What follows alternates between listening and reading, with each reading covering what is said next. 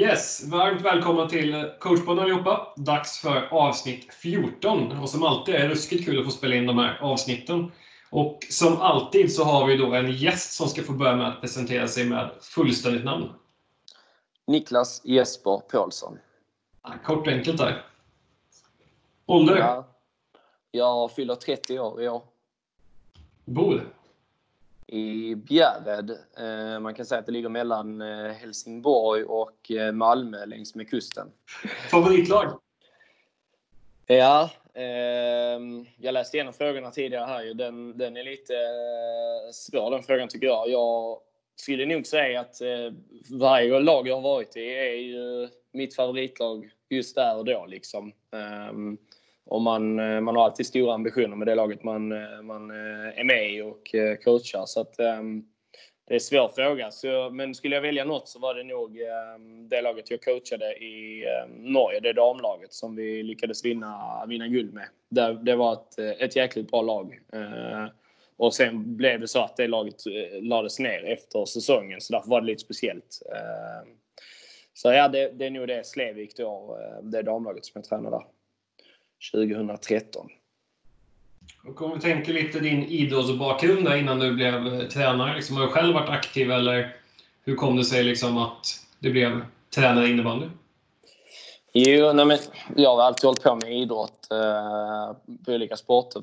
När vi var små, brorsan och jag, så var det testade vi brottning och det var ishockey ganska länge. Eh, fotboll och sen innebandy då. Så att jag lirade ishockey fram tills jag var 15 ungefär, 14-15 års åldern. Uh, och sen uh, var jag inte så superbra på det och då vill man uh, göra något annat. man kommer till en viss nivå när man har ja, men nötte mycket bänk och kände väl inte att jag fick... alltså att jag inte var så bra liksom, så då ville jag testa någonting annat. Så då blev det innebandy mer och mer. Jag hade börjat några år tidigare. Sen körde jag fotboll också ett tag till. Så att, det är väl framförallt ishockey, fotboll och innebandy som jag har hållit på mycket med. Men eh, ishockeyn sticker ändå ut eftersom det, är, det blir väldigt starka band inom, inom den idrotten kontra många andra. Mm. Och sen eh, tränare på det, liksom, hur startade den resan? Eller kom det naturligt? Eller hur? Eh, det var så att eh, när jag spelade sista året som junior i Söderdal, hette den klubben då, det är nuvarande IBK Lund. Ehm, så tvingade egentligen min eh, juniorlagstränare mig att börja träna ett eh, pojklag som var eh, födda 97. Ehm, så de var pojkar 12 då, ihop med en kompis till mig som heter Joakim Jönsson. Så blev vi egentligen tvingade av, av Magnus Berglund, där vår tränare, att, att börja träna. De hade ingen tränare i det laget och ja, han tyckte vi var, var bra ledare, ledare liksom i, i gruppen och så här, Så att, ehm, Nej, så var vi där nere en gång och, och testade på och sen efter det så, um, så var vi fast liksom. Så att um, det var så det började. Och sen har det bara fortsatt därifrån då? Ja, vi körde två år tillsammans, Joakim och jag, med det laget. Och sen fortsatte han lite till och, och så hoppade jag upp och, tog, och körde damlaget i samma klubb. Um, var assisterande tränare där. Uh, och det körde jag bara en säsong. Då blev vi tvåa bakom Varberg. Um, nu är ju det IBK Lund och nu gick de ju upp i SSL men de har ju varit där egentligen på gränsen hur många år som helst och detta var ju eh, 2011, 2012 som jag var där. Så det är liksom nästan 10 år som de har hållit på att lägga där runt omkring men, men aldrig klarat av riktigt att ta steget och jag tror inte heller klubben riktigt har velat det. Men eh, nu är de uppe så det, det är kul för det, det var nog inte riktigt så nära då även om vi var nära sportsligt liksom. Mm. Och hur ser resan ut eh, nu fortsätter från Lund? Liksom? För du har väl hunnit, hunnit med en del? Mm, ja, men jag har hoppat lite grann. Jag har väl egentligen kört tills jag känner att jag, alltså, tills det, klubben inte har mer att ge eller jag själv inte har mer att ge på de olika ställena. Um, men så, sen året efter det så var jag lite så här eh, ett mellanår för mig. Då körde jag Skånes eh, damjunior 17, eh, distriktslaget ihop med Mikael Jeppsson som tränar Malmö FBC. Som blir årets tränare nu i år. Um, och så spelade jag själv med mina polare i division 4 i ett lag som hette Phoenix. Så då var jag spelande tränare där. Uh, fick extrem respekt för uh, vad det innebär att vara spelande tränare. Även om det var på division 4 nivå så var det sjukt svårt att vara det. Um, sen efter det så var det så att jag hade tränat en tjej i uh, Södra Dal som heter Charlotta Hjort som uh, ringde mig och frågade om jag ville sticka till Norge. Uh, hon och hennes uh, pojkvän var där och spelade. Så eh, stack jag dit och så blev det mm, en säsong i, i Slevik i Fredrikstad i Norge. Där jag tränade, var huvudtränare för damlaget och sen efter ganska kort tid på försäsongen fick jag frågan om jag ville vara assisterande tränare för herrlaget också. Så då um, hoppade jag på det och, uh, också. Så körde, körde båda de lagen det året. Uh, det var jäkligt kul år. Vi, vi lyckades vinna guld med båda lagen. Eh, och damerna hade inte vunnit på tio år. Herrarna hade vunnit två raka, så tog vi tredje raka med, med dem. Så det var, det var en väldigt, väldigt rolig eh, säsong. Eh, och sen flyttade jag till Oslo efter det och började träna Tunet, herrlaget där. Och de hade vi då mött året innan med herrarna i finalen. Så det var lite så. Det var inte superpopulärt i, i eh, det gamla laget att jag bytte till största konkurrenten. Men ehm, det gjorde jag i alla fall. Och, och ehm, det, då åkte vi ut i semifinalen i femte avgörande. Ehm, och sen efter det så blev det Jönköping då. Uh, flyttade jag och min sambo Kristina till Jönköping och vi var ju först i Allsvenskan då två säsonger och sen eh, lyckades vi gå upp andra året till, eh, till SSL eh, och så ett år där. Sen så fick vi barn och eh, min pappa gick tyvärr bort i, i cancer, eller blev cancersjuk först och sen gick bort precis i den vevan när vi skulle flytta. Så det var, var lite sådär mycket familjegrejer, liksom att vi skulle få barn och att han var sjuk och så. Så kände vi att, eh, att då ville vi flytta hemåt liksom. Eh, annars var nog min tanke egentligen att stanna minst en säsong till i, i Jönköping. Och jag hade också kontrakt ett år till egentligen där.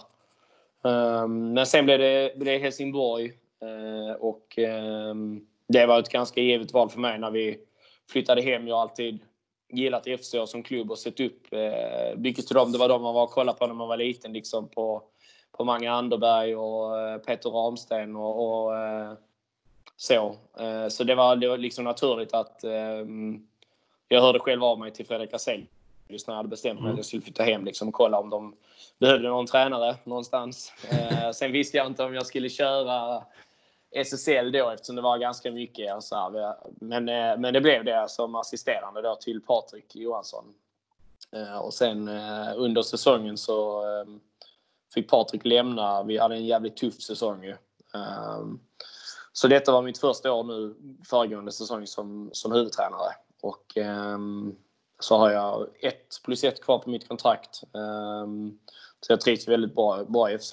Och sen nu i år hoppar jag även på norska herrlandslaget ehm, som tränar där. Eh, det funkar ju bra med vårt spelschema och sådär.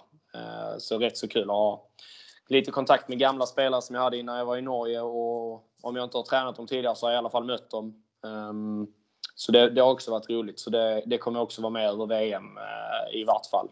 Sen får vi se om det blir något mer där. Men ehm, i alla fall fram till VM i Finland ska jag vara med där också. Så det är så det ser ut. Ja, norska landslaget är ju lite spännande. Det, hur, kän, hur känns, om man ska liksom sammanfatta dem lite kort, känns det liksom som ett land som är ruskigt på G när det gäller innebandy eller? Uh, nej, det skulle jag väl inte säga tyvärr. Uh, eh, det känns som att det stått och stampat ganska mycket sedan jag var där. Inte någonting överhuvudtaget beroende på mig, men jag tycker det var... Det fanns lag som var... Alltså det fanns fler spelare kanske som var bra då, för det var en, en generation till som fortfarande var igång. Um, om man säger så. Men um, det kommer några unga nu som, som är uh, på gång. Uh, typ 02-03, den, uh, den kullen där. 04. Um, ehm, men det är ett glapp. De bästa spelarna har varit de bästa spelarna då sen jag var där 2013 till 2015. Det är fortfarande Thomas Strate, Olle Mossin Olesen och, och um, Skar Jansson och de här som liksom öser in poäng och Johan Ålberg. Det är de som är liksom de bästa i, i ligan fortfarande. Så det är inte så mycket som har förändrats eh, där tyvärr. Det hade varit bra om det kom upp några, några stycken till som klarar att producera mycket poäng. Um, och att det behöver vara fler som, som är ute och spelar i, i andra ligor än bara i den norska ligan för att eh, få fram fler bra landslagsspelare. Just nu är det bara Gitske och, och Ketil och Lindgärdet som är eh, iväg i Sverige. Liksom. Um, mm. Och det, det är klart, en sån som Ketil kanske inte spelar hur många år som helst till. Liksom. Han är väl ändå 40 nu tror jag. Eh, så att, 7-8 till har han nog i sig. Ja, jag hoppas det. Jag hoppas i alla fall han kör ett år till nu så att han får vara med på VM i Finland. Det hade varit kul. Nej, men så det, det, hade varit kul om det kom upp lite fler. Ehm, det kommer som sagt några stycken bra nu, men det har varit ett glapp. Så det, det är bra att det kommer lite nya. Eh, det behövs. Det kan vi även se på eh, svenska herrlandslaget. De har ju varit väldigt liksom, kopplade till, henne, till generationen 88, 89, 90 svängen där liksom, utan att det kommit in så många tidiga 90-talister. Utan det är väl mer de som är födda 95 och senare som börjar knacka på dörren nu. Ja, men exakt. Det, det ligger ju mycket i det. Det är de och det ser man ju i klubblagen också. Det är ju de, de har varit dominanta väldigt, väldigt länge. Liksom. 89-modellen framför eller eh, årskullen framför allt som har varit det. Så att, um, 88 med. Så det, det är klart att det, är, eh, det kommer vara viktigt nu sen när de försvinner att eh, andra börjar ta plats redan nu. Liksom. För det går ganska snabbt sen när generationsväxlingen kommer, både i ligan och i, i landslaget. Liksom. Jo, men det blir spännande att följa. Och vi har ju en diger lista med massa härliga frågor framför oss och temat är lite kopplat till, eh, jag valde att kalla det matchcoaching, vad det nu innebär. Men det fick vara ett ord som sammanfattar mina, mina frågor lite i alla fall. Mm. Eh, hur känner du inför det temat? Nej, men det är spännande. Det, har ju, det är mycket vad man kan påverka själv liksom, under match. Så absolut. Ja, vi kastar oss helt enkelt in i det och eh, Första frågan på temat är, har, har du några offensiva eller defensiva liksom, nyckelprinciper som du alltid strävar efter att dina lag ska liksom spela efter? Eh, alltså, man, man bygger väl sina principer, tycker jag, efter vad man har för spelarmaterial. Så om man jämför typ nu så i år kanske vi har fått lite skit för att vi spelar tråkigt stundtals med, med FC liksom. Eh, men eh, när jag tränade gick till exempel i Allsvenskan så slog vi målrekord i Allsvenskan som fortfarande står där och det kommer stå där länge till. Liksom. Eh, där vi hade över 10 mål framåt per, per match. Så man spelar ju, tycker jag, utefter vad man har för spelarmaterial och inte vad man själv bara har för filosofi. Sen är det en kombo såklart. Men ehm, så i, i anfallsspel tycker jag det handlar mycket om att, att skapa överbelastningar och hamna i situationer där man kan skapa två mot en, tre mot två och så vidare. Um, och sen uh, defensivt så, um, så gillar jag mycket principen att, uh, att man vågar spela då motsatt en mot två istället för att sen kunna när man vinner boll snabbt kontra och veta att man är i övertalssituationen efter. Så att um, det är väl mycket så, men, men eh, det handlar ju mycket om att hålla, hålla rent på insidan och, och se till att ha dem på utsidan hela tiden. Eh, och sen är det mycket som ligger bakom det med vinklar och olika principer och, och tänk, tankesätt liksom på hur man ska, ska få det dit man vill. Liksom. Men ehm, nej, så det beror mycket på vad man har för spelarmaterial skulle jag säga. Liksom. Det, det, är klart att jag kanske hade coachat på ett annorlunda sätt om jag tränade Falun i år än, än om jag tränar FC eller om jag tränar då eh, Visby eller Varberg. Alltså beroende på vilket spelarmaterial du har så tycker jag man får coacha efter det liksom. Eh, och bygga sitt spel mycket på vad man har för individer liksom. Det med individer och liksom egenskaper, det är också liksom väldigt intressant att titta på en matchbild. För om man skulle vilja ha den här förmågan att ta kontrollen över en matchbild. Eh, många brukar säga att ja, vi har momentum och liksom sådana saker, eller vi dominerar den här matchen. Liksom. Vilka egenskaper skulle du säga är nyckelfaktorer för att kunna styra en matchbild? Ja, det är väldigt många ju, men, men det absolut viktigaste är ju någonstans att man är verkligen är 100% med liksom hela tiden. Du, får, du kan inte slappna av eller liksom eh, så här, det är ju ofta, man hör ofta det liksom att ja, men vi slappnade av och då gjorde de Ja, men varför slappnar ni av då liksom? Det, så mycket hänger ju på att man är 100% där tycker jag. Och sen är man bra förberedd så kommer man ju eh, ha mycket att gå på i det. Um, och sen, sen gäller det ju att vilja vinna väldigt, väldigt mycket. Liksom. Uh, för mig handlar det ju mer om att vilja alltså, om att vinna än någonting annat uh, med mitt idrottande liksom, och mitt ledarskap i just innebandyn. Liksom. Så lite här till förra också så är det ju det är viktigare för mig att vinna matchen än att vi gör massa snygga grejer. Liksom. Det skiter jag egentligen fullständigt i. Um, så, um, men, men momentumen i sig är ju alltid intressant och det är något man kan fundera mycket på varför fick vi ett momentum i det läget och, och varför klarar vi inte att utnyttja det? Och varför klarar de att utnyttja sitt momentum och så vidare? Um, Och jag tror ofta det handlar om det att när man är i ett momentum så gäller det som tränare att kanske också känna att ja, men, har vi ett bra, bra tryck och bra läge och vi känner att några spelare är heta så gäller det att spela mycket på dem. Liksom. Det finns ju ingen anledning att inte spela mycket på sina bästa i de lägena. Eh, anser jag i alla fall. Och att eh, de spelarna som kan göra mål är de som ska avgöra matcherna. Det är de som ska spela när det, när det ska avgöras. Liksom.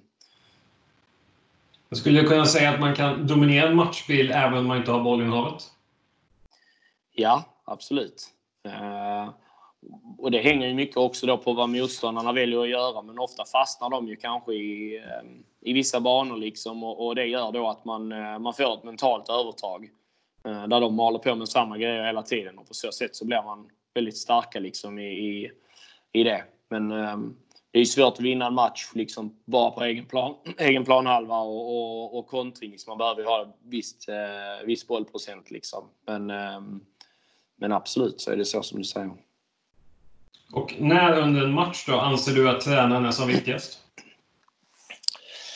Ja, alltså förberedelsedelen är ju en stor del av matchen, tycker jag. Hur man bygger upp alltså helheten beroende på vem vi ska möta. Vad, vad pratar vi om och hur förbereder vi oss både mentalt och taktiskt. Och sen under matchen är det ju alltså inledningen, se vilka som är där och, och vilka som är på 100 liksom. Och sen såklart det viktigaste är alltid på slutet liksom att eh, men, men det beror lite på med. Du kan ju ligga under. Vi hade Växjö borta. Jag vill ligga under med 5-1 efter första perioden. Liksom.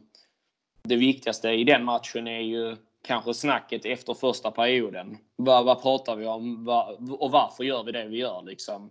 Uh, sista 10 en sån match, eller sista fem, då, när vi väl har kommit ikapp, då vet vi ju att vi kommer vinna matchen. Alltså då har vi redan haft den stora motgången och, och de är livrädda för att förlora. Liksom. Det blir ju så oavsett vem man möter. Och, och samma om det är vi som leder med 5-1 och någon skulle komma ikapp.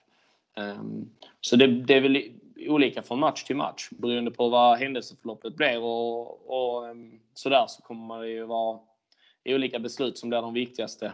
Ehm, men det hänger också ihop lite med momentumen som du sa innan för då har Växjö haft ex extremt momentum tidigare och sen gäller det att fånga vårt och se till att göra det bästa utav det. Uh, men också där då att i det läget var det ju viktigast att se till att vi inte gav upp. Alltså tänkte att det var kört. Så ja, väldigt beroende på match och matchbild.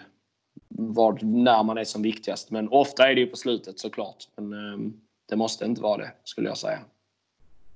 Så här, sidospår här lite kanske, men på ungdoms och juniornivå så handlar det i de här lägena att man måste hjälpa till och berätta vem man ska byta med liksom, för att det ska bli flyt, att det blir jättehack i bytena. Har du stött på det någon gång på liksom elitnivå? Att du ja, liksom, får stå och hjälpa till och skriva vilka som skriver? Vi hade bytesspel i år ju mellan Adam Berglund och Fredrik Aselius i, i första matchen borta mot Kalmar. Fick vi utvisning för det och, och vi förlorade med 6-5 den matchen. Och, om jag inte minns helt fel så slog Kim en volleypass till Mackan Johansson som han eh, dunkade in där tror jag.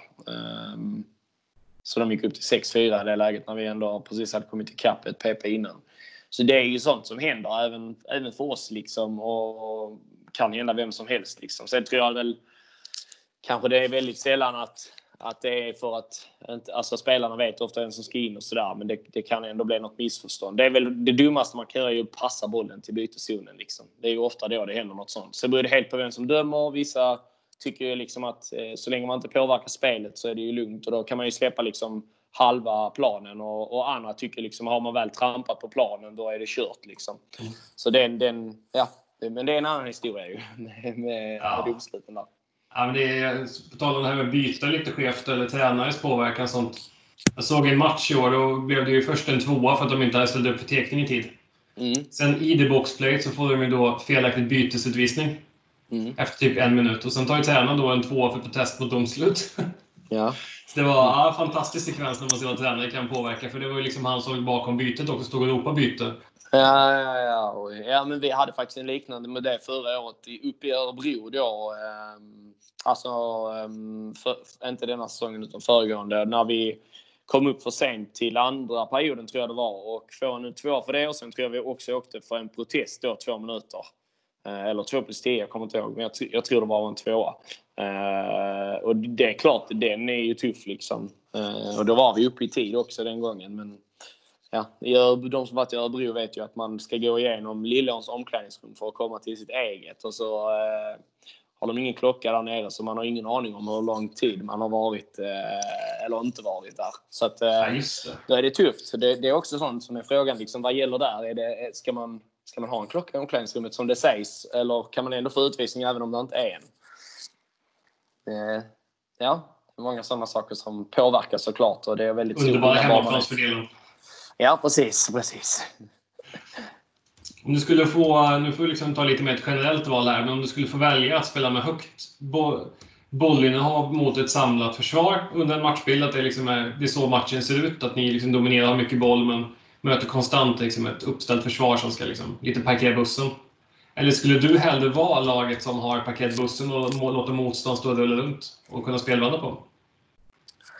Nej, alltså det generella hade jag hellre haft, eh, haft mer boll och, och sett till att kunna styra matchen både tempomässigt och eh, liksom, ja, men händelseförloppet på ett annat sätt. Jag tycker det är, man har en klar fördel om man är laget som har, är mer bollförande liksom, i, i mycket. Eh, och det är väl dit man vill komma med alla lag. Man tränar också. Ehm, men som jag sa innan och var lite inne på så beror det mycket på vad man har för spelarmaterial och var man är i, i sin utveckling. Och eh, successivt så, så eh, är ju alltid ambitionen att man ska, ska bli ett mer spelförande och, och bollskickligare lag. Liksom. Vi är mycket i den processen i FC nu att vi började bygga ett grundspel förra året med boll och det tar väldigt, väldigt lång tid att göra det. Alltså ett försvarsspel går ganska snabbt att sätta bra tycker jag. Eh, snabbt för mig kanske 3-4 månader men, eh, men det är ändå, det, det går mycket betydligt fortare medan ett spel med boll kanske man får räkna med att vi får ge denna säsongen också och sen till eh, säsongen efter. Det är först då vi kanske liksom på riktigt kan börja vara ett spelförande lag. Eh, så jag tycker man ska ha respekt för det och sen får man ju hela tiden se vad man har för individer. Liksom. Vad, vad är bäst för oss? För, det, för mig handlar det mer om att vinna matcher än om, att, än om vi har haft 55 eller 60 procent bollinnehav eller 45. Då. Det, det har egentligen ingen betydelse för mig så länge vi vinner matchen. Liksom. Det, så om vi har skjutit 7 skott eller vi har skjutit 27, det är samma sak där. Liksom. Vinner vi matcher så, så skiter jag i vilket. Liksom. Det, det är bara därför jag håller på med detta. Du är inne på det, liksom, att man anpassar sig lite beroende på motstånd och liksom, Eh, vad de har för förutsättningar. Hur mycket kan det påverka er träningsvecka? Att träningsupplägget på plan annorlunda ut om ni kommer möta ett lag där ni tror att ni är bollförande? Ja, men absolut. Vi, vi, vi tränar alltid. Alltså, man, man tränar så som motståndarna spelar. gör vi alltid varje vecka. Så vi kollar på video och sen uh, så tränar vi liksom på att spela deras spel. Uh, är det något som sticker ut offensivt så tränar vi på det, men generellt mycket på hur de spelar sitt försvarsspel för att vi då ska, uh, Ehm, ska liksom kunna hitta bra lösningar med boll. Man kan väl säga så ofta så kommer vi som tränare med, med liksom vår gameplan och så har vi kanske säga 30% av det funkar när vi tränar på det då, när vi ställer upp som just sådana spelare och vi gör det liksom aktivt. Ehm, och sen under den träningen då tillsammans med spelarna så hittar vi ju vägar som funkar. Så bygger vi vår gameplan utifrån det. Så att jag skulle väl säga kanske att 30% av det vi, vi kommer med generellt funkar och sen har spelarna bra input och så bygger vi liksom de sista resterande 70 på, på vår gemensamma uppfattning om hur vi ska spela eh, matchen liksom, med, med boll då mot deras försvarsspel.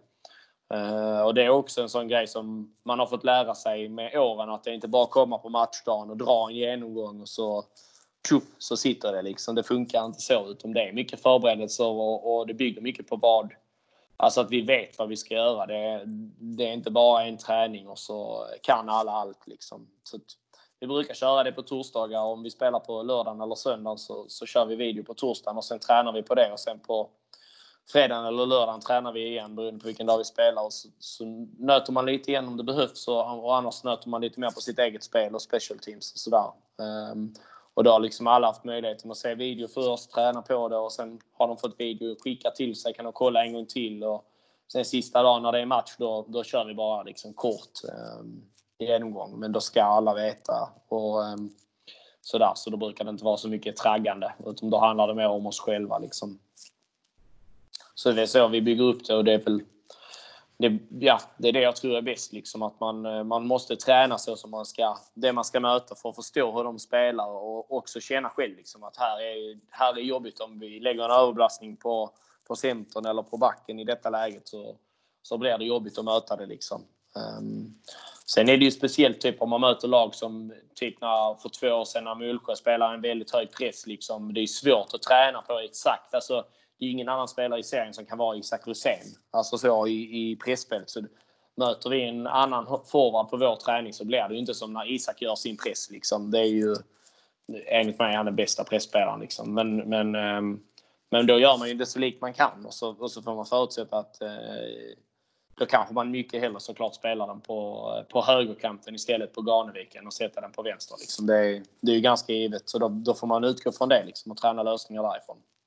Så, men mycket så. så man pratar mycket om vilka möter vi och, och, hur ska vi göra och varför. Och sen bygger man ihop med spelarna upp bästa möjliga lösningen. Liksom. Um, och är spelarna involverade så tror jag man, man kommer en bra bit på vägen. Att de känner att de har ägarskap på projektet och de kan påverka matchbilden i större grad. och Så, här. så då, då, tror jag också fler kommer vara benägna att, att göra det vi har kommit överens om. Mm. Men det bara är jag som, som står och säger vad alla ska göra. Liksom. Så, um, det är ju förhoppningen att, att spelarna ska vara väldigt involverade i de lägena. Jag tycker det är intressant om man tänker, det är väldigt mycket förberedelse om man vill komma till matchen och känna att de här sakerna med tempo stämmer. Mm. Men om man kommer till en match och känner att nej, det här verkar liksom inte riktigt stämma med vad vi har förberett oss till. Mm. Hur snabbt kan det vara att du förändrar saker? Och det är ju uppenbart att så här, okay, ligger vi under med 8-0 efter första perioden, då kanske vi måste förändra någonting. Men om vi mm. tänker liksom att det är fortfarande ganska jämnt resultatmässigt, men du känner att taktiskt, liksom, det här stämmer liksom inte. Skulle du kunna förändra mycket i ett sånt läge, eller hur tänker du där? Både och. Alltså, det som jag får jobba med mig själv ibland är att jag kan kasta runt lite för snabbt i femmorna. Och ofta ger det negativ effekt för det ger liksom en viss otrygghet och eh, då kanske man tappar det taktiska som man kanske redan gör bra som, som du säger liksom eh, delvis då. Um, så ofta handlar det nog mer om att bara ändra taktiskt och inte ändra så mycket i femmorna liksom. Uh, för mig i alla fall och, och där jag är just nu. Sen beror det ju på vilket lag man har. Men uh, vissa matcher kan man känna det redan efter tre byten att liksom, det här funkar inte, det vi har pratat om idag funkar inte det. Uh, vi hade verkligen så mot Kalmarsund i år till exempel hade vi ju två av våra tre matcher. Det var egentligen bara den första matchen vi kände att vi var med i. Liksom, de andra två så uh, så det vi hade tränat på, det vi hade pratat om, det klarade vi inte att få ut fram, framför allt. Och sen så kände vi liksom att vi... Ehm, ja, att vi då, då hittar vi inte sätt att komma, komma in i matchen riktigt. Um, och då är det jobbigt ju. Då känner, då känner man att man testar olika saker men du får heller ingen effekt. Um, och det är väl, väl ganska ofta så det är att um, Alltså börjar du röra runder för mycket så kan man ju få effekt såklart. Men det är ju ofta, då handlar det ju mer om att man har tur skulle jag säga. Alltså, jag som tränare kanske inte den som, ja men vi kastade runt i alla femmorna och så eh, fick vi fullträff denna gången. Då, alltså, det, det är mer tur än vad det är mitt person. Alltså det är ingen skicklighet av mig att Visst, ja, man kan alltid se vilka som är lite hetare den dagen och, och coacha dem och så här. Men det är ju jag skulle säga att man har mer tur än vad man har skicklighet när man sätter de tillfällena. För mm. oftast när du redan ligger under med några bollar och du börjar kasta runt och köra tumbeland liksom, så, så går det ändå inte bättre. Utan de gångerna man får träff så är det ju eh, då är det kanske det att motståndaren slappnar av lite för mycket om man hugger det och så får man ett momentum och så helt plötsligt så tycker alla allting är skitbra liksom. Om man själv tycker att man har gjort något skitbra så har man självförtroende som man inte hade överhuvudtaget innan och då vänder det rätt snabbt liksom. Ehm, men så det generella tror jag, alltså kontinuitet i största grad, både spelet och, och truppmässigt. Liksom. Och sen eh, såklart våga ändra när det behövs. Men eh, kanske behålla rätt stora block och segment i både spelet och formationerna. Det tror jag är det bästa. Ehm, och så vrida hellre på taktiska grejer. Men ehm, ja, det är samma som där. Det, det är väldigt från match till match och, och dag till dag. Liksom. Alltså så här, vad är rätt och vad är fel? Liksom. Att, eh, men man är ju inte alltid nöjd när man, när man åker hem efter en match. Liksom. Jag hade Linköping hade vi hemma i år då när eh, det har ju alla snackat om att Lamber gjorde så många mål. Liksom. Eh, då, då kom vi nästan ikapp. Det stod, de ledde väl med 5-1 tror jag. Så kom vi ikapp till 6-5 och då satte jag ihop typ som Max Wahlgren och Linus Nordgren och Jonathan Nilsson och Lindholm, alla de i en femma liksom. Så gjorde de mål direkt efter typ 30 sekunder och då, då tänkte man ju så när man... Eh, och det var bara några sekunder kvar så var det tredje perioden skulle börja sen. När man går ut i omklädningsrummet. Ja, det är klart vi ska fortsätta med de här nu liksom. De gjorde mål direkt liksom. Och sen i, i tredje perioden så gör de typ 0-4. Eh, oh. så liksom, då är det så, jaha, det, alltså, det var ju bra, jävligt bra drag där och då. Men långsiktigt så visste man, eller jag egentligen om att det, där funkar inte liksom.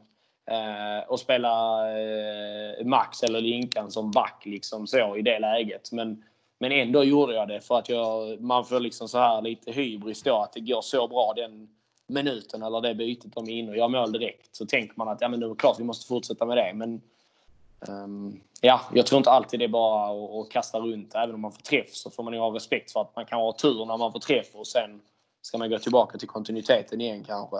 Så våga chansa men ändå ha de här stora segmenten och blocken tror jag är smart. Liksom. Men, men vad fan, man lär sig hela tiden. Exakt. Men alltså också en grej som är intressant att vilka aspekter som avgör att spela på två eller tre formationer?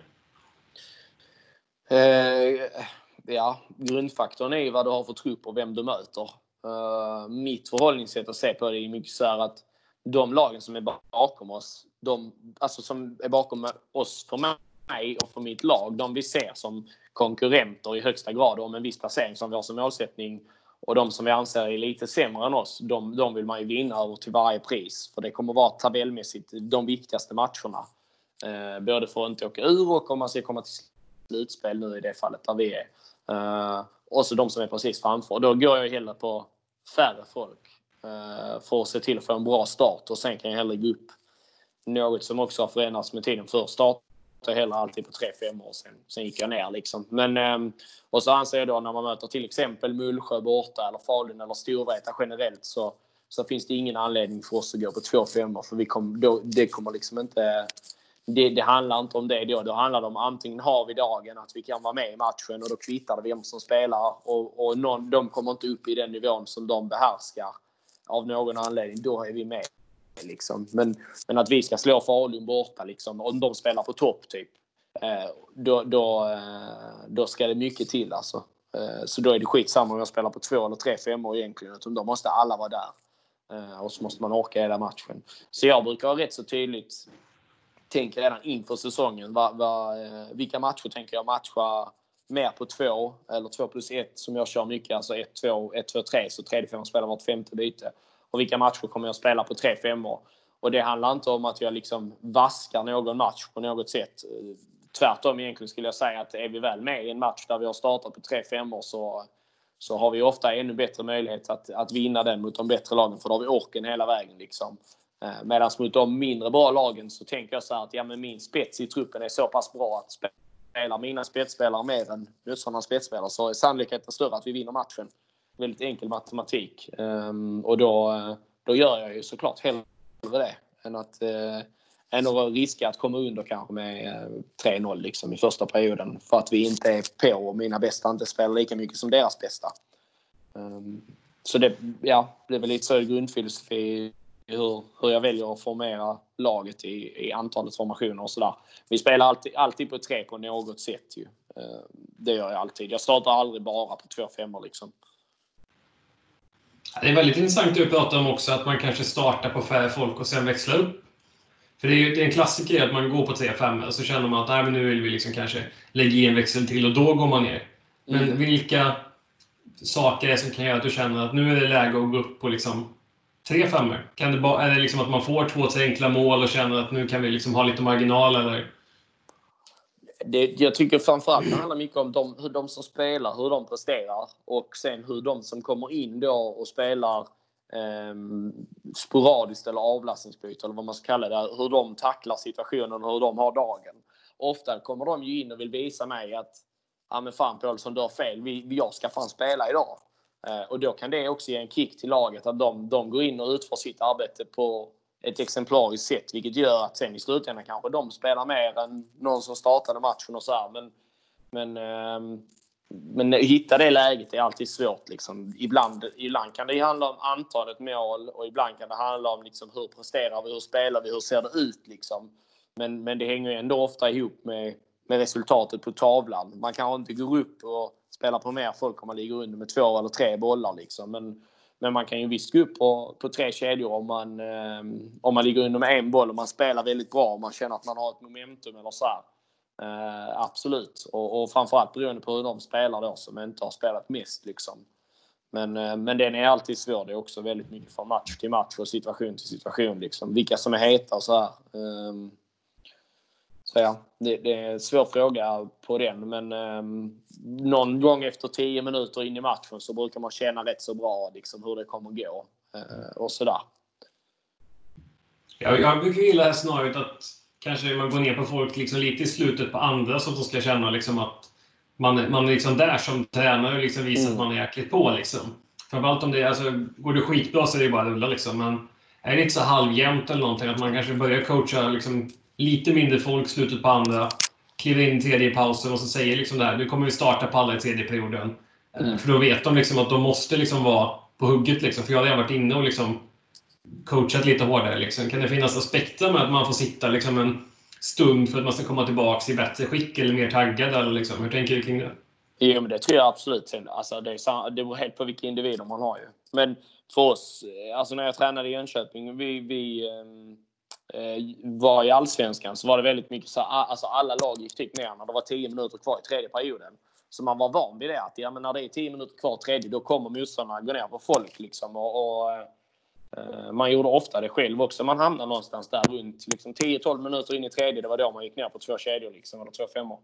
Eh, och sen första året när vi gick upp i SSL så mötte man liksom Linköping eller vi mötte FC vet jag då, de första matcherna och så bara efter första perioden så kommer de ut så, så ser man liksom, jaha, de kommer bara spela på sina tio bästa nu. Uh, så blir man helt så, ja, vad fan, ska vi gå ner på folk nu eller alltså du vet, första gångerna man är med om det så blir man helt paff. Att, vadå, kan, går de ner på två femmor nu liksom efter en period eller så um, så det tycker jag var en jävligt stor omställning som tränare innan man själv... Nu är det en självklarhet för mig på ett annat sätt än vad det var då. Men det var också för att i Jönköping, när vi var i Allsvenskan, så var vi sista året det bästa laget. Och då, då kunde vi ju styra hela tiden när vi ville göra vad. Eh, medan när vi kom upp i SSL så var vi egentligen det sämst rankade laget. Vilket gjorde att då, då fick vi anpassa oss efter motståndarna på ett helt annat sätt. Um, och det var ju stora kontraster i, i det läget tyckte jag. Um, sen har ju många säsonger innan det tränat eller coachat mycket på, på 2-5 också. Jag coachar väl ganska hårt liksom generellt. Jag är inte jag kanske inte den som är mest ehm, liksom så låter alla spela lika mycket eller så. Det skulle jag absolut aldrig påstå att jag gör liksom. För det, då hade jag ljugit. Men um, utom jag coachar alltid för att vinna varje match. Liksom. Och gör det jag tror är bäst. Sen är inte alltid, långt ifrån alltid det är rätt. Liksom. Uh, såklart, det ser man ju efteråt. Jag inte, vinner inte varje match. Men, um, men, men, men, ja, det, den är svår den pucken alltså. Exakt vilka matcher och hur man ska lägga upp det. Liksom. Den är svår också. Jag tänker just de här besluten man tar under en match som man måste ta som tränare. Skulle du säga att de, de kommer mer liksom på någon form av magkänsla eller kan det vara liksom att du får statistik från någon läktarcoach som säger att ah, men nu har det här hänt eller nu ser vi tio gånger av tio har han missat skott därifrån eller som sagt, eller är det bara känsla? Nej, alltså nu har vi ju ingen läktarcoach hos oss men eh, man, man, kan väl säga så denna säsongen så har vi, Daniel och jag då, eh, som min assisterande, vi har väl bollat alltså, mycket scenarier inför matcherna. Liksom att ja, vad, vad, gör vi om, om detta händer? Vad gör vi om detta händer? Och så vidare. Alltså, vi brukar vara ute och gå en ganska lång runda innan match och då, då pratar vi alltid igenom liksom, ja, men om, om det händer så här.